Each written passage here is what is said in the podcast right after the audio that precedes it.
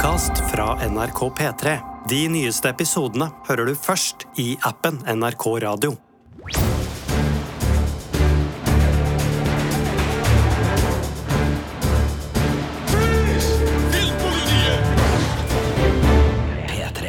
Fra High Summer og Jurassic Park til Schindlers liste og Ready Player One, Steven Spielberg er en av Hollywoods aller største og aller beste filmskapere.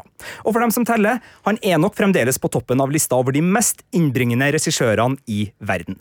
Og nå er han aktuell med ny kinofilm, The Fablemans, som allerede har mottatt sju Oscar-nominasjoner. I denne episoden skal du få dommen over den. Vi skal høre hva det er som gjør at Spielberg har en så unik plass i så mange filmhjerter, og så skal vi komme med hver vår personlige favoritt som passer perfekt til en filmkveld. Vi som skal nerde i vei om Steven Spielberg, er Sigurd. Marte. Birger. Og Ingvild. Ja, for før vi gyver løs på The Fablemans, så skal vi ha et lite vaktskifte her i Filmpolitiet. Ja, det stemmer. Now my watch has ended. Dette er min siste podkast i Filmpolitiet.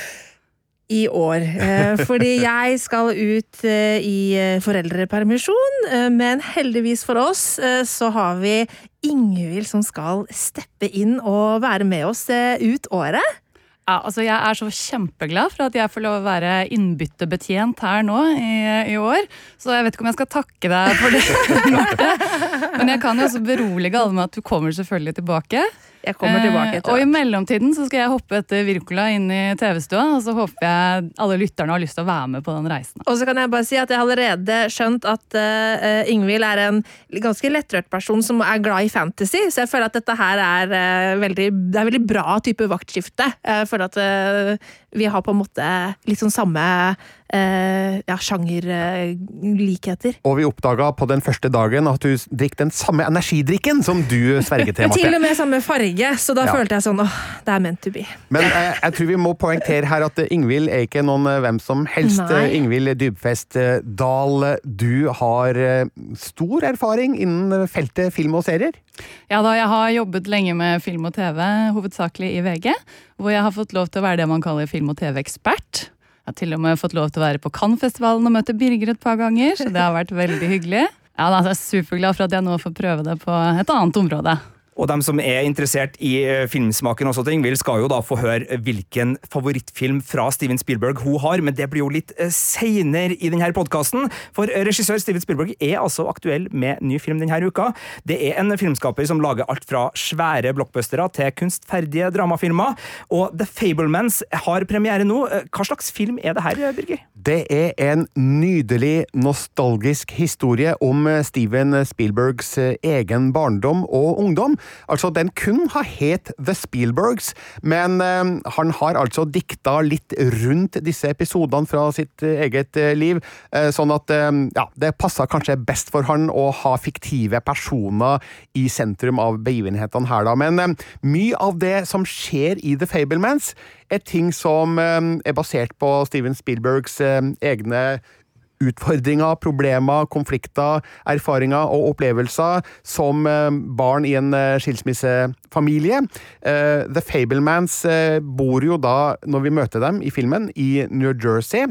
Det er der den unge Sammy Fableman, som jo da er Steven Spielberg, blir fascinert av kino, fordi foreldrene tar han med på verdens største show, som var en stor film på starten av 1950-tallet eh, i regi av Cecil eh, B. DeMille, eh, og det var der den store interessen ble vekka, og vi ser jo da i The Fablemans hvordan eh, han eh, med farens 8 mm-kamera forsøker å gjenskape den magien han opplevde i kinosalen. Og det mens eh, familien er i forandring fordi de flytter fra New Jersey til Arizona, der eh, faren, som spilles av Paul Dano, har fått seg jobb. Og um, eh, han trekker inn både søsken og skolevenner til å lage sånne actionfylte kortfilmer med veldig oppfinnsomme virkemidler. Eh, samtidig som eh, mora hans, spilt av Michelle Williams, ikke har det så bra, skal det vise seg. Eh, hun har noen lengsler som vi ikke skal gå nærmere inn på her, men det skaper en splid i familien, og når de etter hvert flytter til California, så skjer det ting som gjør at uh, Sammy, uh, nå spilt av da Gabriel Labelle i en fantastisk hovedrolle, han mister litt interessen for det å lage film. Og det står rett og slett uh, i fare for å, å, ødelegge den karrieren som vi nå vet at Steven Spielberg fikk. Det er altså Sammy Fableman det handler om her, men jeg tenkte hele tida at det er Steven Spielberg jeg opplever. Det er hans liv jeg ser eh, bli spilt ut foran meg på lerretet. Eh, og eh, det at Steven Spielberg tilsynelatende var så nær ved å gi opp filmen før han i hele tatt kom i gang med karrieren. Det er nesten som en skrekkfilm for meg. For tenk hva vi kunne ha gått glipp av om det her hadde gått virkelig ille. og nå vet vi jo hvordan det gikk med Spielberg. Det gikk veldig bra, og da har man kanskje for så vidt også gjetta utgangen på The Fablemans, uten at det er noen spoiler fra min side, da. Men eh, det er en eh, fantastisk fin film med gode refleksjoner eh, rundt det å være skilsmissebarn. Det å prøve å følge sin drøm. Ja, jeg vet at det er en floskel, men det er jo det det handler om her. på tross av det foreldrene måtte ønske. Og her er Sammy i en eh, skvis da mellom eh, faren, som er en litt sånn kald, kalkulert fyr, og mora, som er en litt mer eh, utadvendt og kulturelt interessert uh, menneske. Uh, hun er også pianist. Uh, det vet jeg ikke om Steven Spielbergs mor var, men det gjetter jeg at hun sikkert var. For um, ting jeg har lest og hørt, tyder på at handlinga i The Fablemans ligger veldig nært inntil det Steven Spielberg sjøl har opplevd da, som barn og ungdom. Så uh, det, er en, det er et uh, godt fortalt familiedrama på én side, og så er det en fantastisk feiring av filmen på den andre sida. Hvordan filmen vekker vår fantasi og vårt begjær for mer eskapisme, og det er jo noe Sammy Fabelman trenger, ser vi da i denne filmen, og det var sikkert noe som var sentralt for Steven Spielberg òg, i hans barndom og ungdom. Og um, altså, Sammy Fabelman bruker filmmediet da, som um, ikke bare eskapisme, men også som uh, sannhetssøkverktøy, hvis det går an å si, og også en slags forståelse av sin egen virkelighet. og det syns jeg Steven Spielberg får gjort veldig godt i The Fablemans. Så det ble en veldig sterk femmer på terningen. Eh, kunne kanskje også ha slått til med den øverste, men Oi. den skal man jo være litt eh, påpasselig med, som vi skal komme senere tilbake til. Eh, tror jeg. Jeg har en mistanke om det, for jeg har gitt terningkast seks til Steven Spielberg før. Men The Fabelmans er definitivt eh, vel verdt en femmer og en tur på kino. Det er en uh, klokkeklar anbefaling fra uh, Birger Vestmo der, og, og, en som er veldig glad i, i Spielberg, og som har ja, jeg vil jo si av eh, de jeg kjenner, så er det få som har et så nært forhold til Spielberg som filmskaper som deg, Birger. Og du har jo eh, kjennskap til en både fra barndom, ungdomstid og så da i, i yrket. Og vi skal jo straks komme med våre favorittfilmer laga av Spielberg, men, men, før det så må vi jo få en liten introduksjon. Altså, hva er det som gjør eh, Steven Spielberg så, til en så fantastisk filmskaper, Birger? Ja, For det første så eh, er han jo regna som eh, blockbusterens eh, far, fordi gjennombruddsfilmen hans, 'Haisommer', da den kom i 1975, så eksisterte ikke blockbuster-begrepet. Det, det, eksisterte ikke som fenomen, egentlig. Det var Haisommer som satte i gang hele det konseptet med at eh, om sommeren, da kan du se en storfilm på kino som virkelig treffer et bredt eh, publikum. Eh, men eh, det var Haisommer som var starten på det hele, og Spielberg var jo kanskje den fremste eksponenten for akkurat den typen blockbuster-film i mange år etterpå også. Og mine formative filmår var jo nettopp da han var på the peak, altså da han kom med Close Encounters of the Third Kind, eh, hvis vi regner spesialversjonen fra 1980, for det var den første Spielberg-filmen jeg så. Og så kom jo på rekke og rad altså Raiders of the Lost Ark, ET, Temple of Doom og Alt det her er jo filmer som den dag i dag eh, har bevart all sin eh, sebarhet fra den gang, som verken virker gammeldags eller utdatert. Og det er vel kanskje noe Steven Spielberg eh, har tilført filmmediet, altså den eh, friske fortellerteknikken eh, og tilnærminga til historiefortelling som gjør at eh, det er noe tidløst over det. Eh, når du ser eh, Raiders i dag, det er ikke en gammel film, det. Eller når du ser nærkontakt av tredje grad. Det er ikke, det er ikke noe eh, utdatert over den. Eh, det kan Altså, OK, greit. Teknisk, du du ser teknisk at eh, de er laga i sin tid, men rent fortellermessig så, um, så kunne de like godt ha blitt laga i dag. For såpass forut for sin tid var Steven Spielberg, og um, han er jo den store inspiratoren for mange av de store, store regissørene som er i virksomhet i dag. Eh, Så vi kan takke han for mye av eh, den eh, nye given som Hollywood fikk da utover ja, slutten av 1970-tallet og, og starten av 1980-tallet spesielt. Og han hadde jo et, et kanonår i 1993 hvor han liksom bare øh, ja, øh, var øh, den største og den beste, med to filmer. altså Jurassic Park, som da fram til Titanic hadde rekorden for å være den mest innbringende filmen i verden. Og så da liksom Schindlers liste, Oscar-vinneren hans, hvor han fikk Oscar både for beste film og beste regi, var det vel? Ja, ja, det er jo en bragd. Og det året er jo et helt spesielt Spielberg-år, da, der han viser hvor allsidig han er, med to helt forskjellige filmer. Altså, det, Jurassic Park og Schindlers liste står så langt fra hverandre, stilmessig og innholdsmessig, som det er mulig å komme, men han viser jo at han behersker begge deler så utrolig bra. Men det er ikke den første double whammyen han har hatt i ett og samme år. Altså Allerede i 1982 så laga han eh, ET, samtidig som han eh, skrev og produsert og mange vil også si delvis regissert Poltergeist. Og eh, det er jo eh, to effektfylte filmer begge to, da, men det ene er jo en, en eh, undrende og spennende sci-fi, mens den andre er jo ren eh, skrekk, blanda med litt eh, komedie. Eh, 93-året er jo altså det spesielle, som vi sa, men i 1997 der laga han også The Lost World, Jurassic Park eh, nummer to, samtidig som han laga slavedramaet Amistad, som jo også er veldig forskjellige ulike filmer. Eh, I 2002 så kom både Minority Report eh, og Catch Me If You Can, der han også variert det emosjonelle engasjementet veldig heftig da i de to ulike filmene. Eh, og i 2011 da kom både The Adventures of Tintin og War Horse. Så Spielberg har hele veien vist en helt særegen evne til å hoppe lekende lett mellom ulike filmsjangere, uten å vise noe svakhetstegn på verken den ene eller den andre sjangeren. Og det er jo en veldig selvsikker filmskaper vi har å gjøre med her, som har et sånt vanvittig talent som kan brukes i alle hjørner av eh, filmmediet.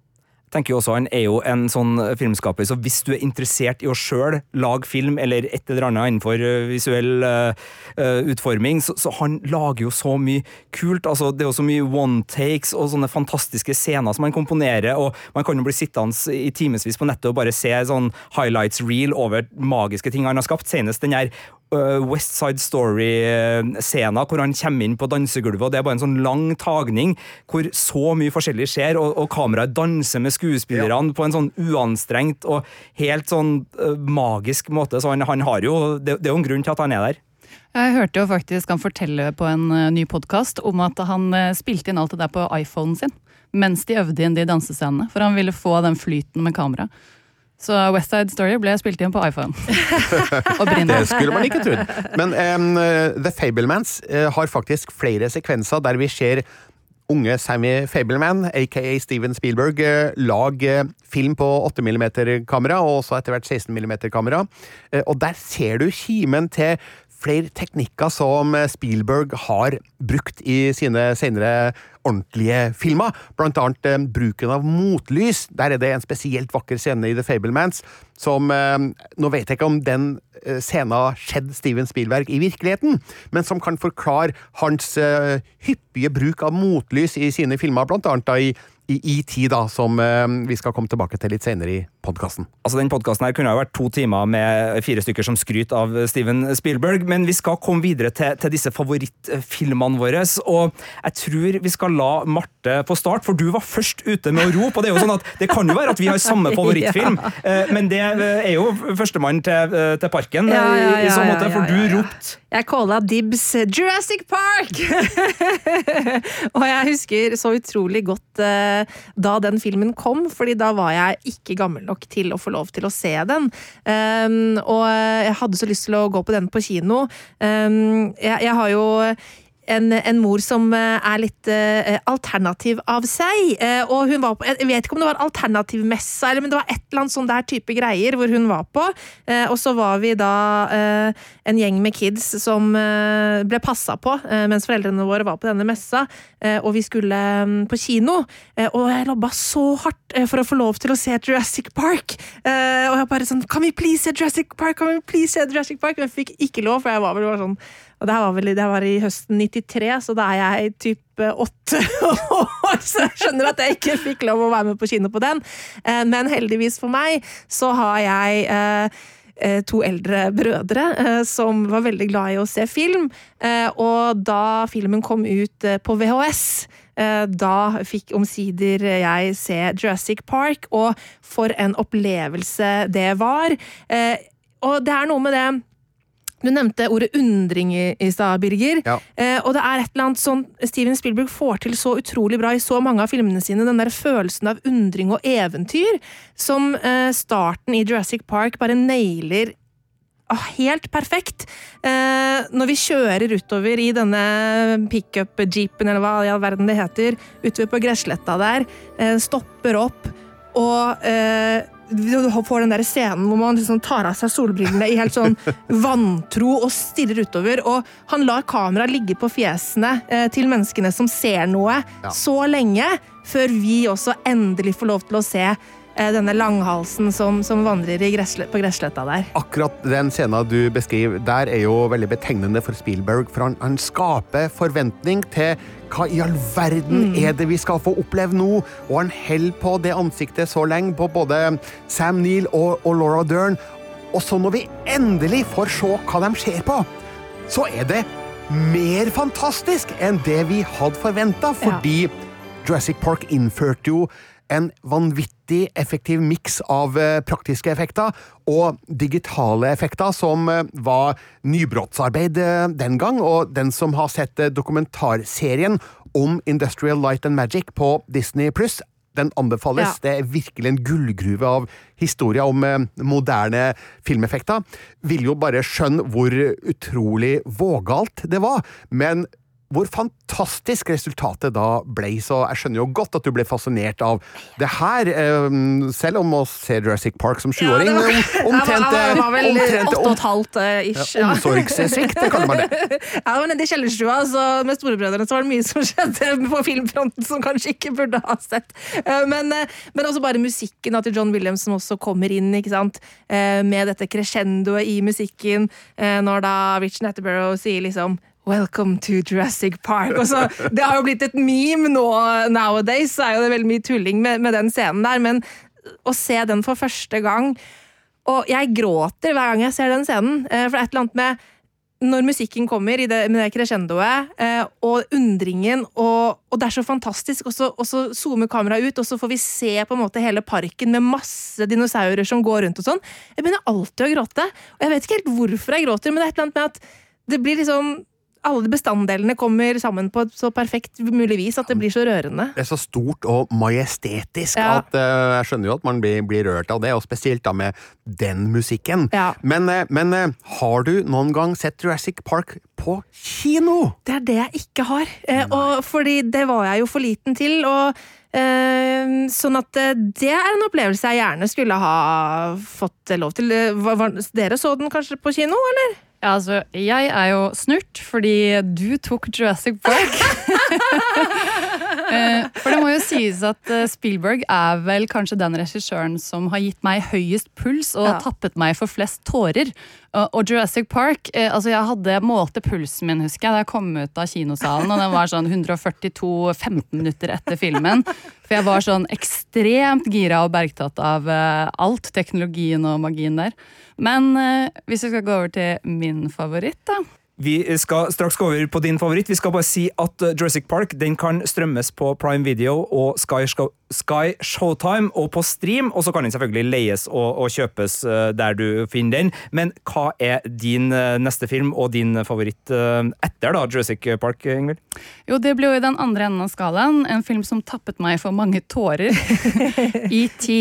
Eh, og det er en av de første filmene jeg husker å ha sett på kino. Jeg måtte dobbeltsjekke med min mor at jeg faktisk fikk lov å se den da jeg var fem år. Eh, men det gjorde jeg. Uh, og den er jo bare så gripende uh, i det fortellingene om Og det her er jo noe Spielberg har vært fascinert av. Han ville ikke, ikke sant, Fra, fra 60-tallet og sånn, så var jo alle sånn romvesen kommer til jorda-filmer. var invasjon, det var farlig, det var den kalde krigen. Men han var jo fascinert av de vennlige, de vennlige romvesenene. Og det er jo her vi ser en bue fra nærkontakt av tredje grad, uh, hvor han tar med seg det, det konseptet med de snille. Mm. Også, som også faktisk peker mot The Fablemans. fordi fordi han har jo sagt at ET var inspirert av hans egen barndom og den følelsen av å føle seg forlatt av en far. Elliot, eh, som er eh, hovedpersonen, elleveårige gutten, spilt av eh, Henry Thomas, han er jo midt i en skilsmisse og, og, savner kanskje faren sin, da skjønner vi av filmen. Og så møter han altså en Eller søt. Jeg har jo også hørt at ET selv skulle være så stygg at bare mor kunne elske den figuren. Men jeg husker at jeg som femåring var ekstremt fascinert av ET med den lange skilpaddeaktige halsen. Og jeg hadde til og med ET altså Det var også mitt første møte med merch. For jeg hadde ET kosedyr. Og så er det sånn, Hvordan kan du ha et kosedyr av en litt sånn glatt, slimete, brun figur?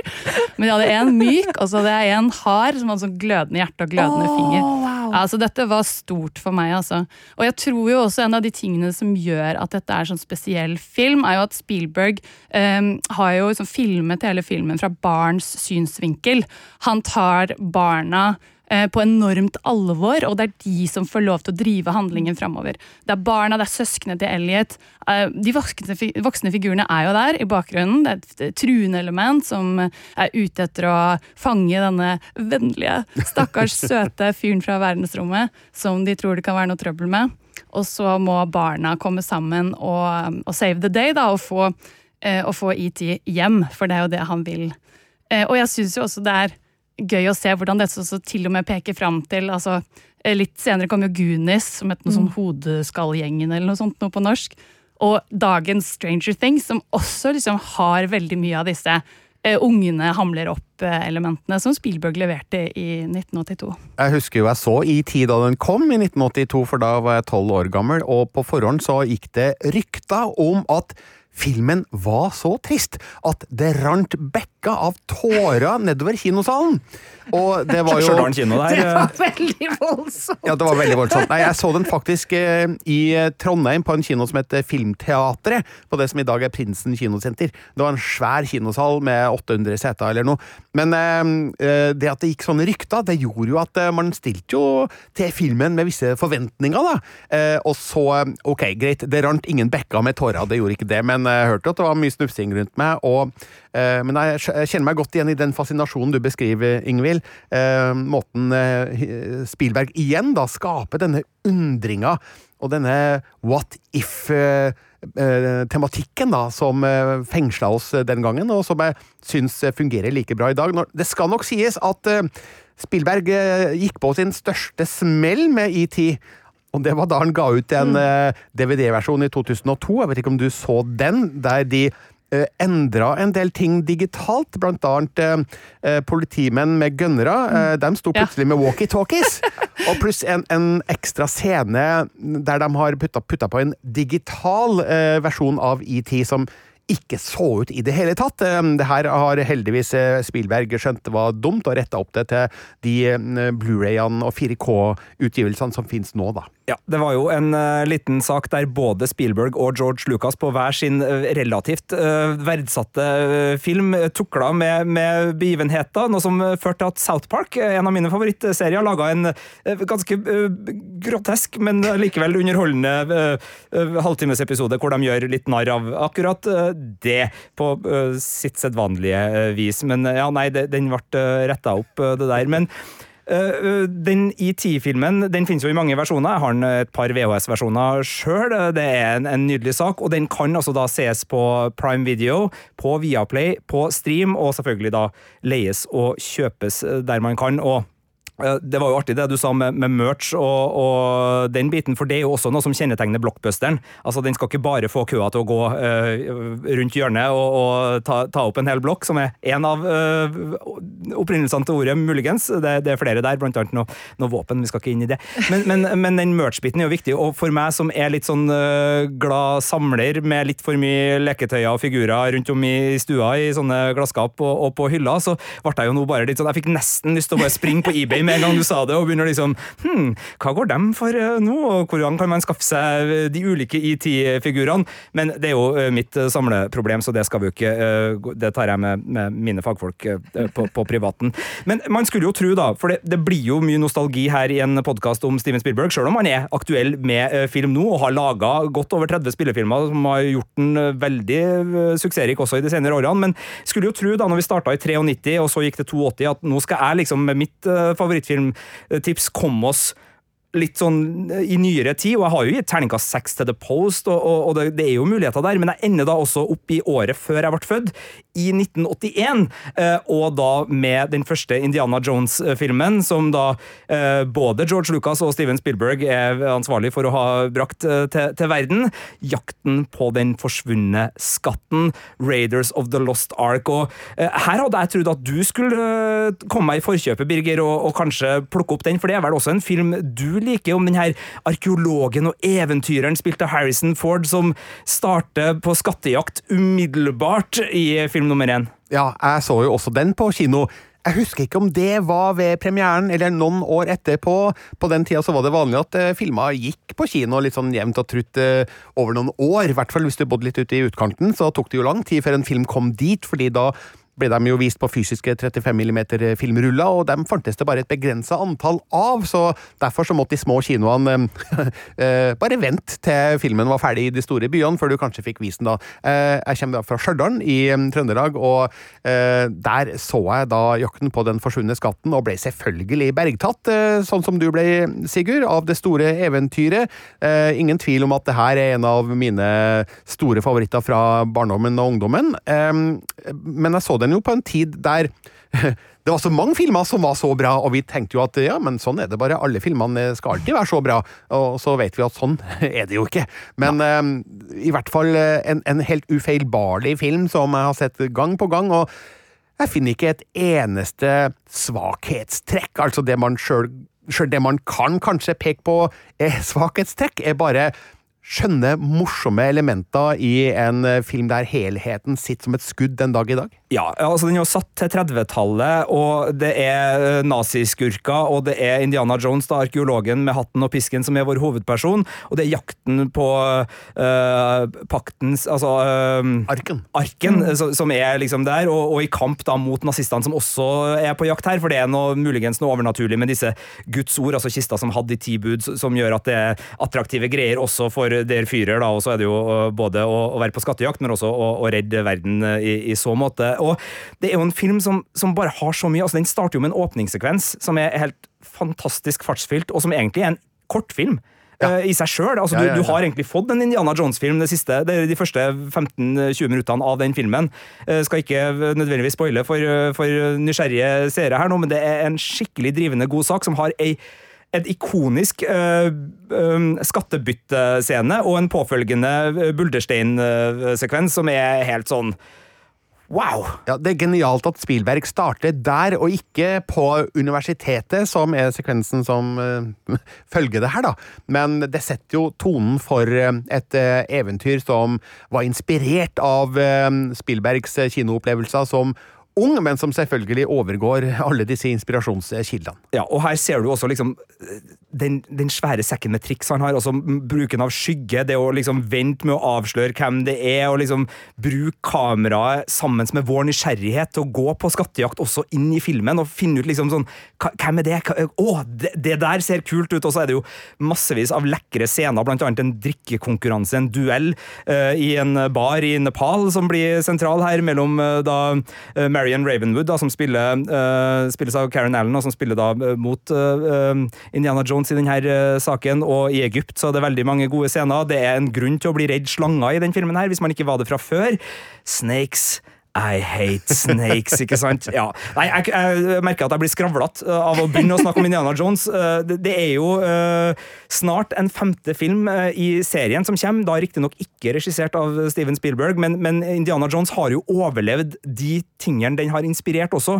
For når jeg sitter og ser Red Notice, storfilm på Netflix med The Rock og Ryan Reynolds og uh, Gal Gadot, så, så, så er det jo liksom Det er jo forsøk på å være Indiana Jones, men det er jo ikke like bra. Og når jeg ser Uncharted-filmen til Mark Walberg og Tom Holland det er jo forsøk på å være Indiana Jones, men det er jo ikke like bra. Og Tomb Rider det er jo ikke like bra. Så, så den har liksom overlevd veldig mange av de eventyrfilmene den har inspirert. Ja, jeg skal, skal nok uh, si at Roar Uthaugs Tomb Raider-film uh, den var god. Mm. Men um, det er nok ingen som har greid å nærme seg kvaliteten på de i hvert fall tre første Indiana Jones-filmene filmene. For eh, der sitter eventyrfølelsen så sterkt at uh, man er jo fjetra fra første til siste scene, og de som har prøvd å etterligne og kopiere.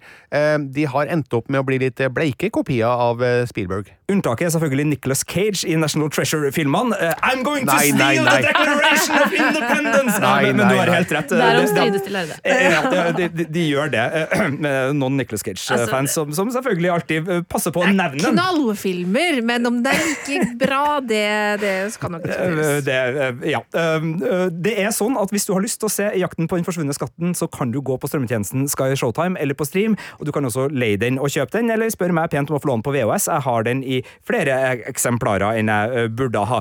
Nok om min VHS-samling. Eh, der har det blitt altfor mye nå. Eh, Birger, ta oss til din favoritt. Ja, og da skal vi til nærkontakt av tredje grad, som kom i 1977.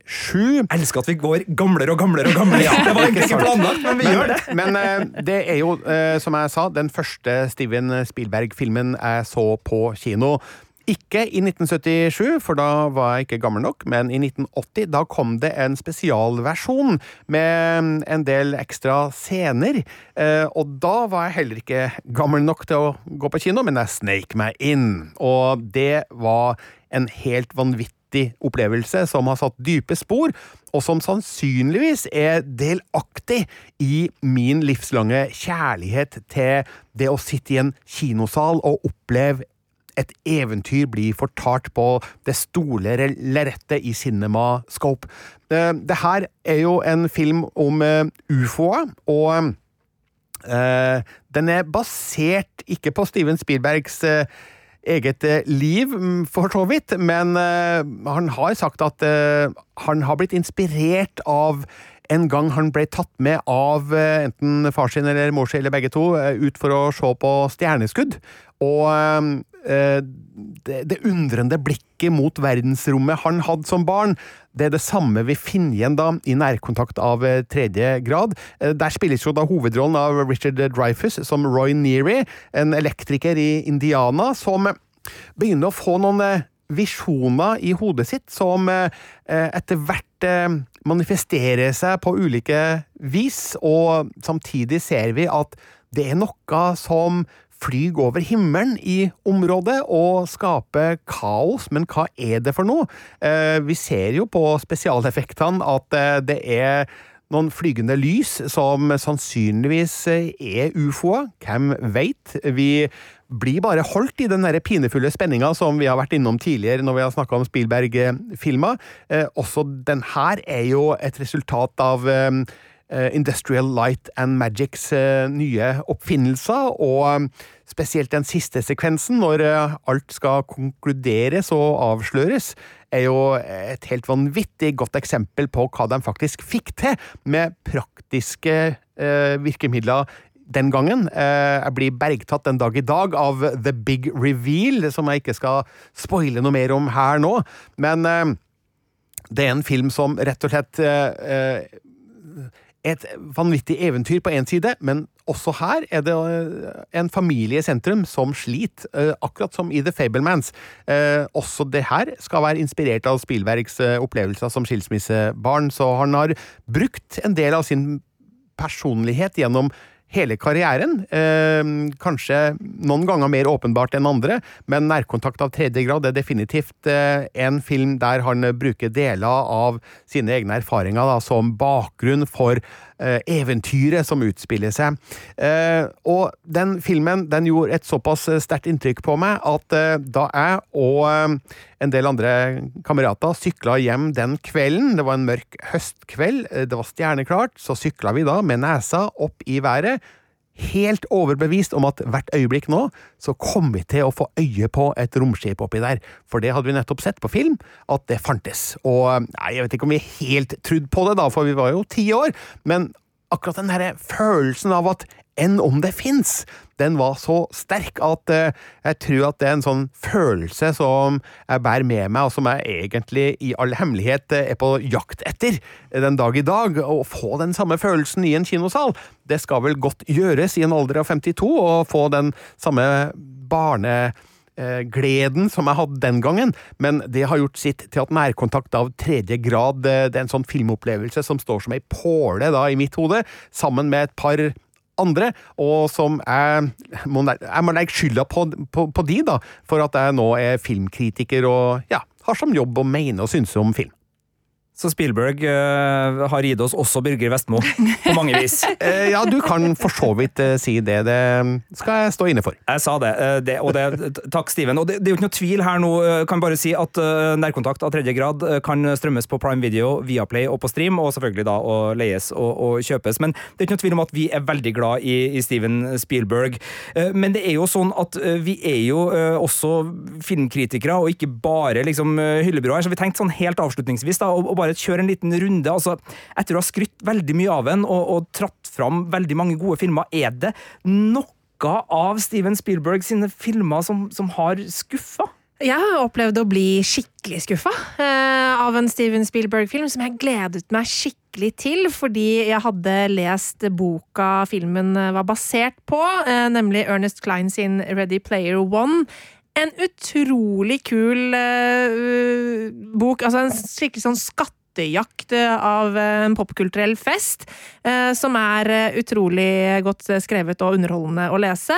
Eh, og jeg bare syns det var så utrolig spennende å skulle få se denne boka på kino, fordi her befinner vi oss i en litt sånn dystopisk fremtid, hvor menneskene har rømt inn i en virtuell virkelighet, hvor man kan ja, gjøre litt som man vil, skape den virkeligheten man, man har lyst på, eh, mens eh, verden går eh, under eh, utenfor.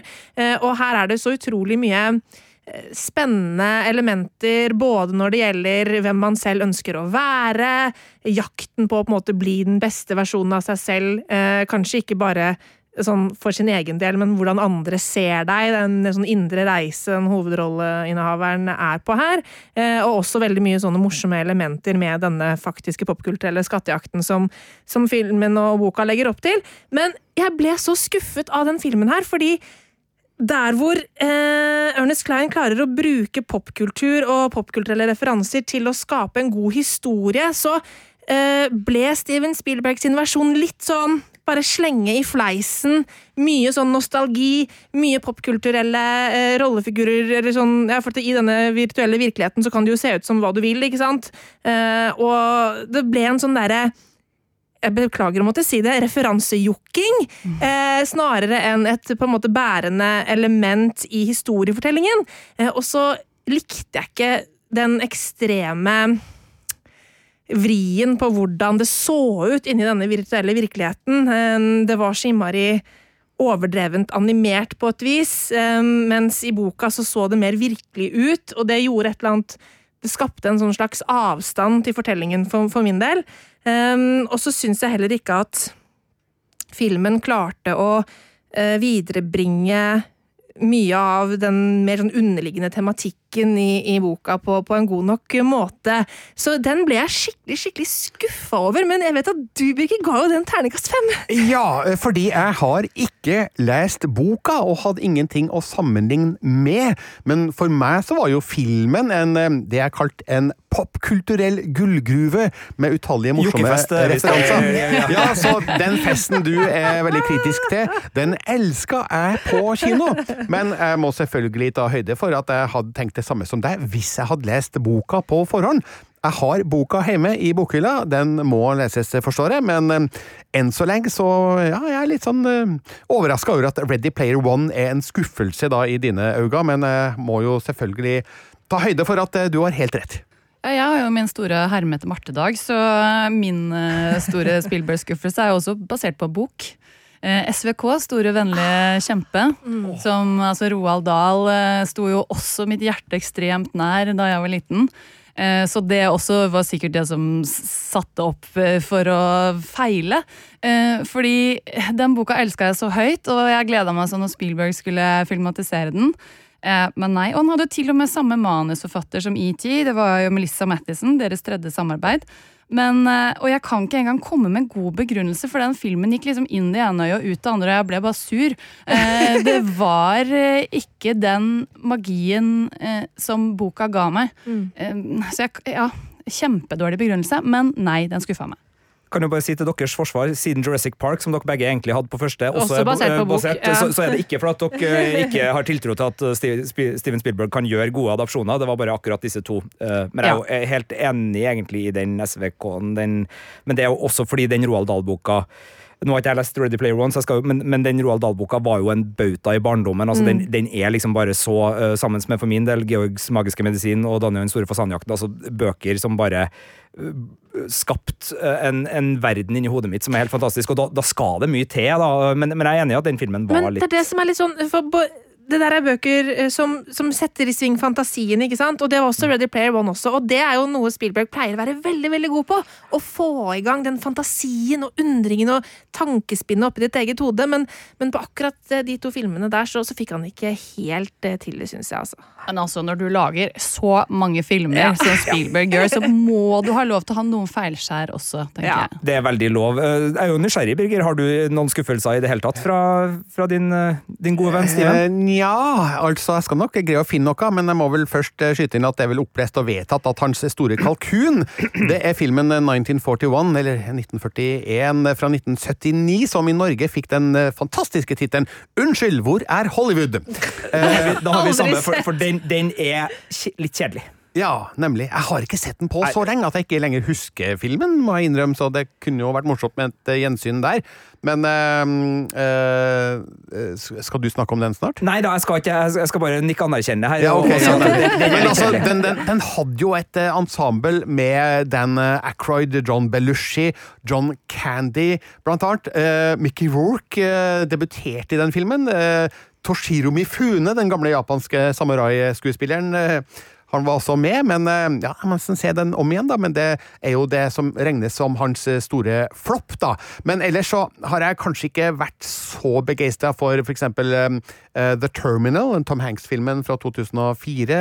Og så var vel ikke Always i 1989 den helt store filmen med Richard Dreyfuss og Holly Hunter. Den kom jo samme året som Indiana Jones and The Last Crusade, Det siste korstog, som jo overskygga den andre filmen eh, veldig. Men hvis jeg skal trekke fram én skuffelse, så er det en film som jeg egentlig liker veldig godt, nemlig AI, Artificial Intelligence, som kom i 2001. Eh, Den er jo basert på en eh, kjent eh, bok. Så eh, det var jo en eh, film mange sci-fi-elskere var veldig spente på, eh, meg sjøl inkludert, sjøl om jeg hadde jo her, ikke her heller lest boka. Eh, Jeg ble så fascinert og trukket inn i handlinga og eventyret. Hayley Joel Osment spiller jo hovedrollen her som en kunstig gutt. Eh, men for de som har sett filmen, så er det på et tidspunkt en havbunn involvert her, eh, uten å si noe mer. Eh, der skulle filmen ha slutta. Jeg vet ikke hva som skjer i boka, men i filmen så skjer det mye etter den scenen på havbunnen som jeg ikke likte i det hele tatt. Og jeg syns at eh, det var en feil av Spielberg å gå videre med filmen etter den sekvensen på havbunnen som jeg snakka om. Eh, nå, er det, nå, er det, nå er det sikkert eh, ikke mulig Det var kanskje ikke mulig for eh, Spielberg å, å endre handlinga fra boka i særlig grad, da. Men eh, jeg bare kjente Nei, nei, nei! Slutt! Nå, Spielberg, kom med the end og rulletekst! Ikke gi oss mer av det sci-fi-skvipet, for inntil da hadde AI i mine øyne vært en perfekt film. Men det ble ikke en helt perfekt film med den eh, fortsettelsen på historien som ja, det er mulig Spielberg ikke kun kom seg unna, da, men eh, det var vel kanskje et øyeblikk i hvert fall da, som skuffa meg med Spielberg, som ellers er en særdeles eh, stabil regissør på eh, toppnivå. Jeg syns du ga oss mange overskrifter her, Birger. Skulle gjerne ha lest den anmeldelsen. Slutt med det skvipet, Spielberg osv. osv. Det er jo kjempemye mye bra her. Vi må nok gå tilbake og, og, høre mer på den. Men jeg har ikke tenkt å trekke fram en skuffelse, men jeg har tenkt å stille deg et spørsmål, Birger, nå mot slutten. For du har jo nevnt allerede, det har kommet noen terningkast seks til Spielberg uh, opp igjennom, og, og vel fortjente. Men det er én film Uh, som du nok er mer begeistra for ut fra det terningkast seks enn kanskje f.eks. Rotten Tomatoes sin publikumscore, som er nede på, på 50-tallet. Og det er jo en Indiana Jones 4 uh, eh, som kom i 2008 til en terningkast seks til deg. Altså, har du noen kommentar til den sånn i etterkant, eller er det fremdeles fasit? Ingen kommentar. Nei, altså, vi har, vi har snakka om det her tidligere i Filmpolitiet. Altså, Indiana Jones og Krystallhodeskallens rike kom i 2008, og det var jo noen år siden sist vi hadde sett Indiana Jones på kino, da.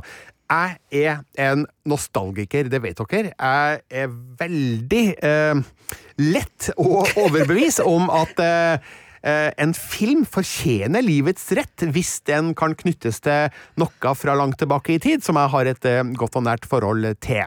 Så da den eh, fjerde indie-filmen kom i 2008, så, så, sammenfalt jo det med mitt første besøk til filmfestivalen i Cannes.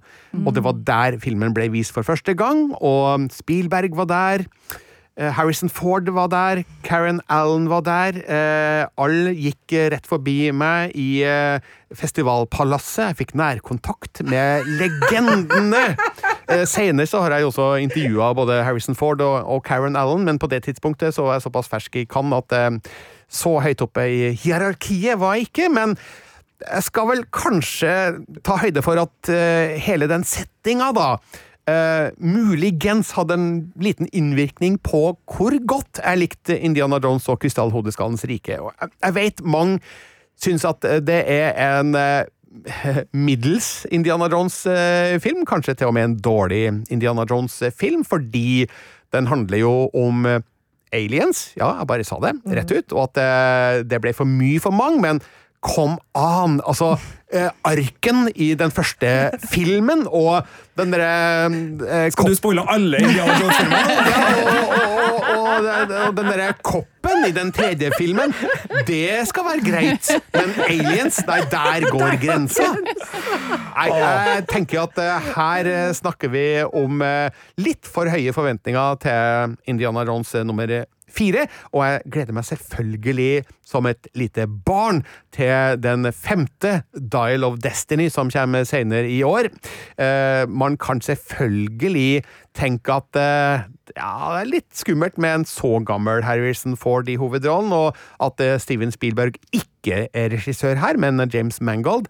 Jeg lar tvilen komme Mangold og Ford til gode til å ha sett filmen. Det er en, en fin uh, glede seg-magekribling som beviser at Steven Spielberg fremdeles får Birger Vestmo til å glede seg til film. Uh, hvor mange år etter at du så den første? Vi er vel sånn ca. 40 år? Jeg, jeg, må ha sett uh, den første filmen i 1982 eller 83 tror jeg. Ca. 40 år med Spielberg, Birger Vestmo. Ja. Det er veldig bra. Eh, det var det siste i denne episoden. Vi har vært Marte. Birger. Ingvild. Og Sigurd. Ha det bra. Hele historien. En podkast fra NRK. Mange pasienter frykter at de har blitt operert av legen som står eh, bak feiloperasjoner på Sørland. I elleve år skjærer en lege i kropper uten å ha riktig utdanning. Så sier han bare det er koldbrann. Og så var det bare til med kniven og så kutte. På et lite sykehus blir flere titalls pasienter skadet for livet, og noen dør. Da tenkte jeg bare Har han ødelagt hele livet for meg? Hør kirurgen i appen NRK Radio.